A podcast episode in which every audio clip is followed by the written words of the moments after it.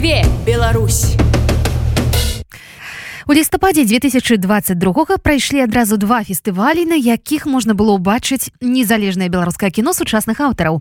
Асобным радком у іх шэрагу стужка Мара Саша Кулак. Фільм адкрываў бульбамуві і стаў акцэнтам беларускай праграмы паўночнага ззяння.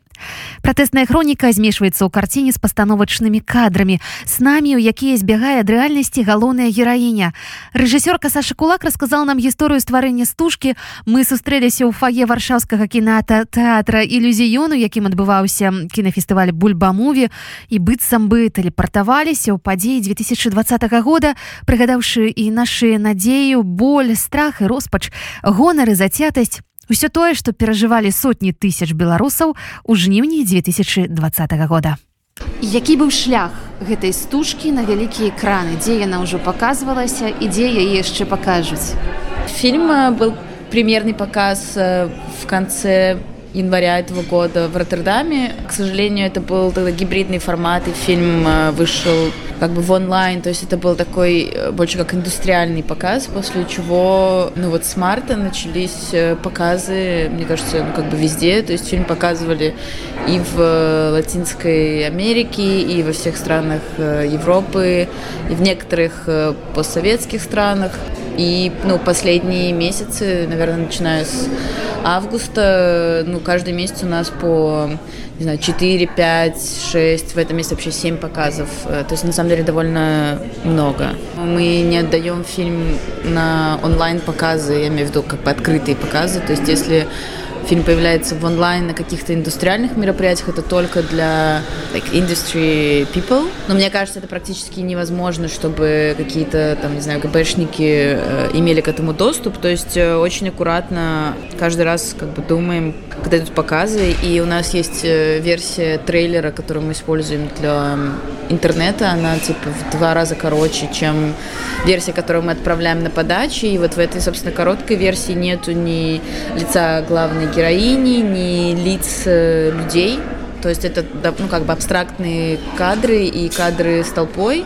И э, ну, у меня в какой-то момент вообще было желание убрать все, и мы долго разговаривали там с разными э, людьми, участвующими в фильме, как бы как с этим быть. И есть как бы такой пункт, который не знаю, в чем-то с меня э, снимает ответственность в том, что если мы ведем в YouTube да, протесты в Беларуси, то материалов, которые там есть с лицами людей как бы на весь экран, ну, просто как бы, тысячи таких видео.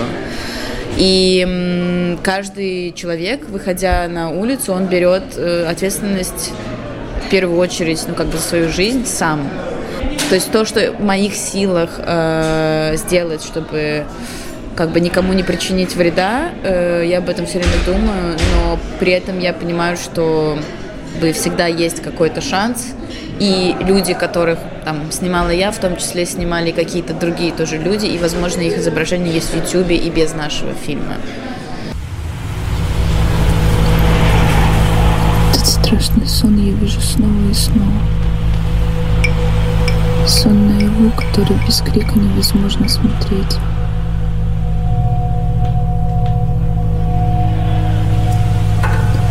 просыпаюсь из одного тяжелого сна в другой. Колькі месяцаў або тыдняў вы працавалі менавіта на пратэстах?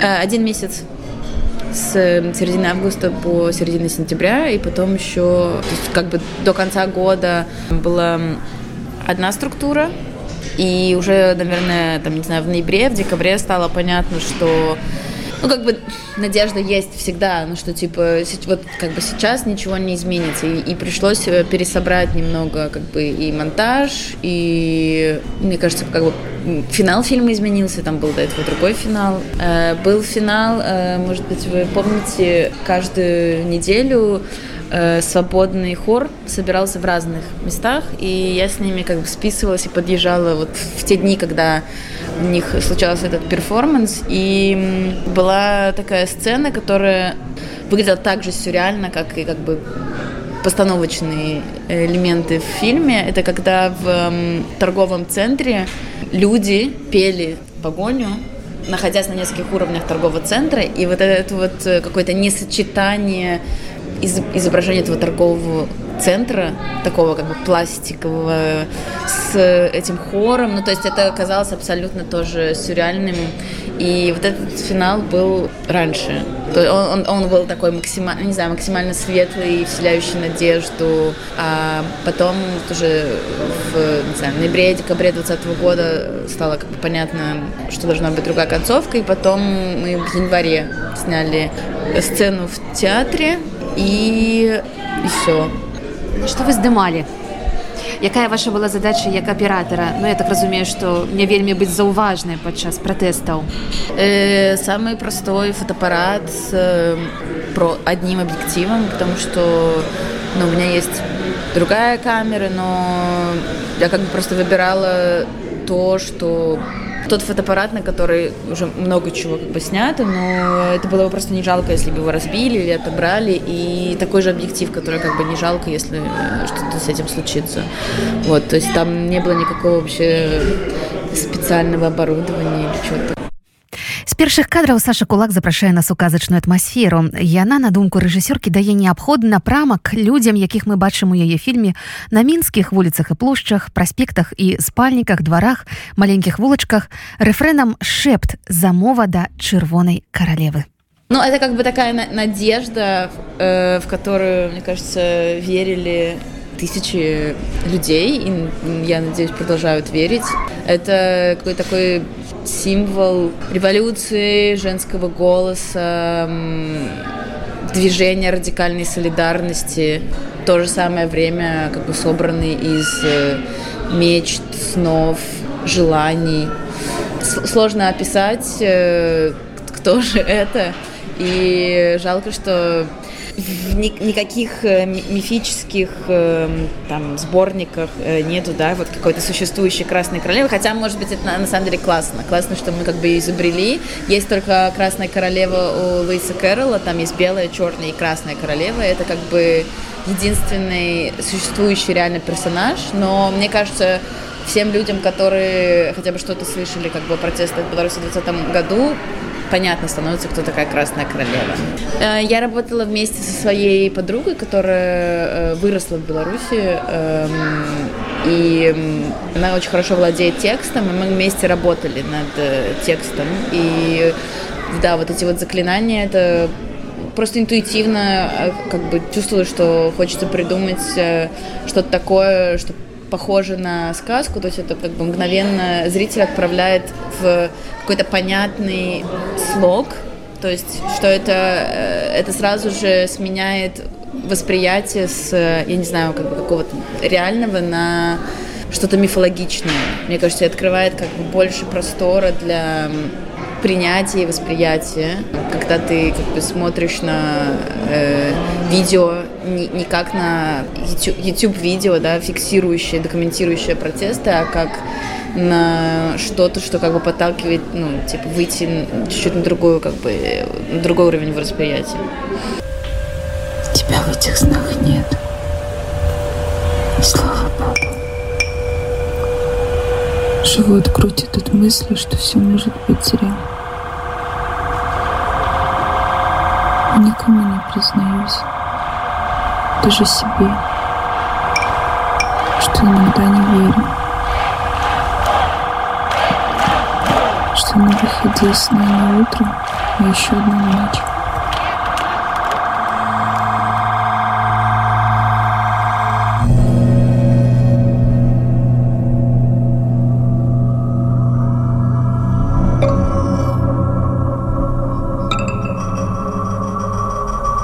Шмат пра сны і нават у этом заклёне таксама ёсць посмотреть в глаза тому кто видит во сне зло. А якія глаза человека которому снится зло. Вы сами бачили сны падчас монтажу фильма? Я не вижу снов в цел в принципе э, практически никогда.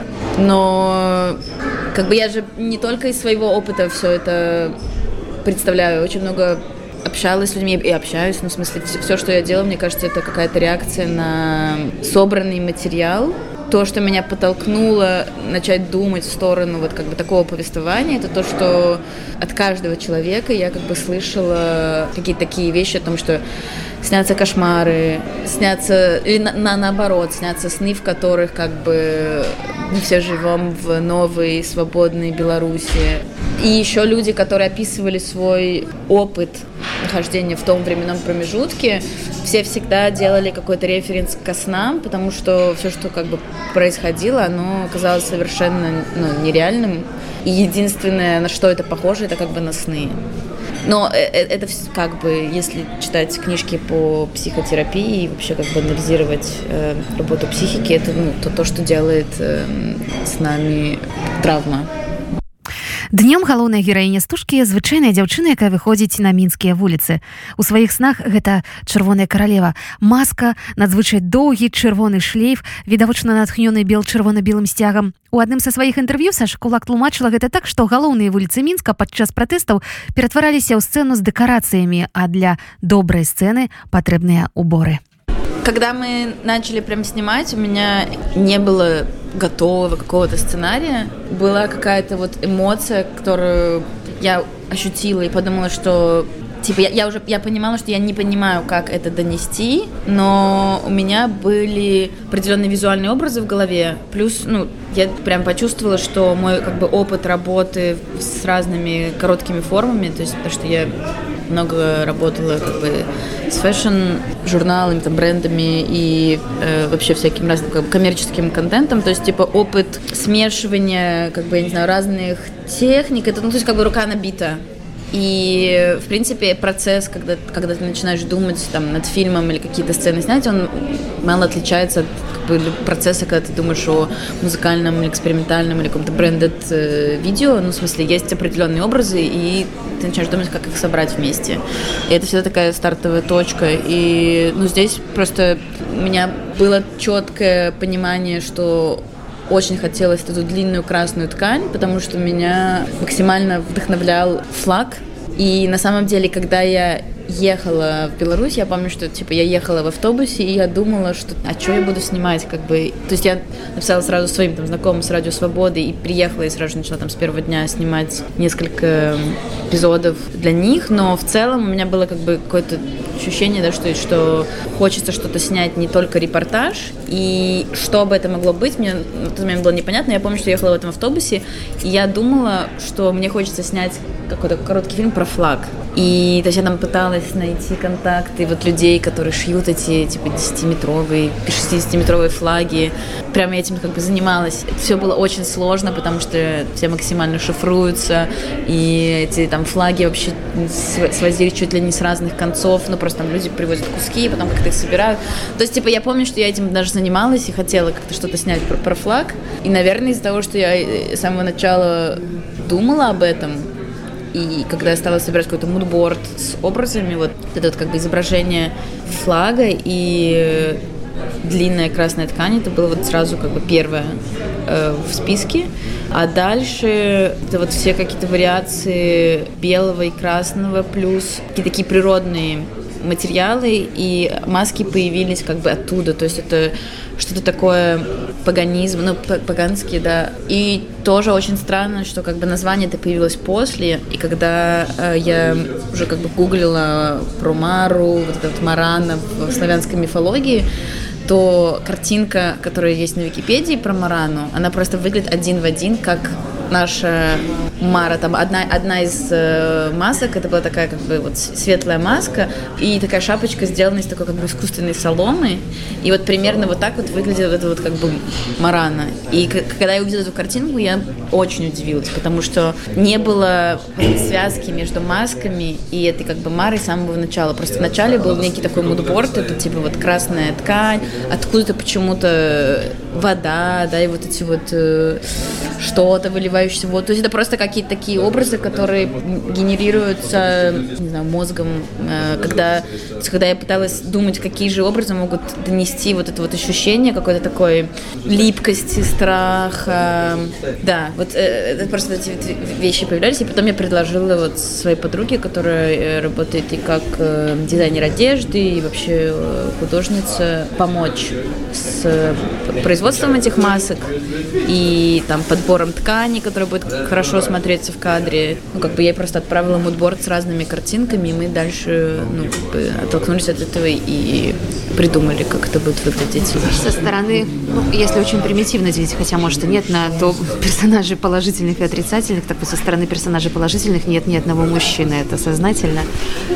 Ну, отчасти да. То есть э, сначала там первый, первый монтаж фильма, в нем были и мужские голоса, потому что у меня был доступ к записям людей, которые подверглись пыткам и избиениям. И было больше мужчин в монтаже, а потом, ну, просто стало понятно, что это как будто бы сбивает немножко с толку. И я решила, что все-таки этот фильм про, он про женский голос и женское движение. И мне, мне не хочется, чтобы как бы, послание фильма было о том, что типа все женщины хорошие, а мужчины плохие. Но просто как-то так получается, что последние годы я вот наблюдаю, что все там антивоенные движения, вообще какие-то протестные движения, это все, э, ну, как бы женщины стоят во главе этого. И мне хочется верить, что это такая такая борьба с э, патриархальным строем, потому что так больше невозможно жить. После вашего фильма я и те, кто был со мной, мои знакомые, мы зразумелі што раны нашы разварушыліся А які пасыл быў у вас калі вы стваралі гэтую стужку разварушыліся раны в смысле что плохо стало да не терапия совсем эм, у меня у меня был такой сложный какой-то моральный выбор потому что когда э, вот стало понятно что концовка не будет светлой как какой я ее видела изначально а что она ну как бы она открытая не то чтобы она оставляет зрителя без надежды нет мне все-таки я считаю, что те изменения, которые произошли в нас, это, это, это огромная цена, которую как бы нам пришлось заплатить. То есть я вижу по себе и по всем своим знакомым, что ну, мы стали лучшими людьми. Вот я сейчас говорю, мне мурашки начинают идти. Это, ну, очень дорогого стоит, и не все, ну, как бы не всем людям выпадает вообще в жизни, да, через такие процессы проходить. Но то, что фильм как бы депрессивный и тяжелый, это, конечно, сложно очень принять, что вот как бы ты делаешь фильм, и ты вот выпускаешь такой фильм, который типа людей вот вообще не является терапией. И я помню, что когда там, я говорила с продюсером, и говорила, что типа я не могу, я не могу его заканчивать. Я считаю, что мы не должны вообще его заканчивать, потому что, ну, это ужасный фильм. И тогда он мне сказал, э, что, ну, вообще-то люди ходят в кинотеатры на хорроры и вообще хоррор снимают, да, есть как бы big budget э, хорроры. И вот тогда я какой-то, не знаю, для меня это стало такой вот моральным разрешением, что, ну, окей, хорошо, это будет фильм хоррор, да. Эм, хотя это сложное решение было очень, да.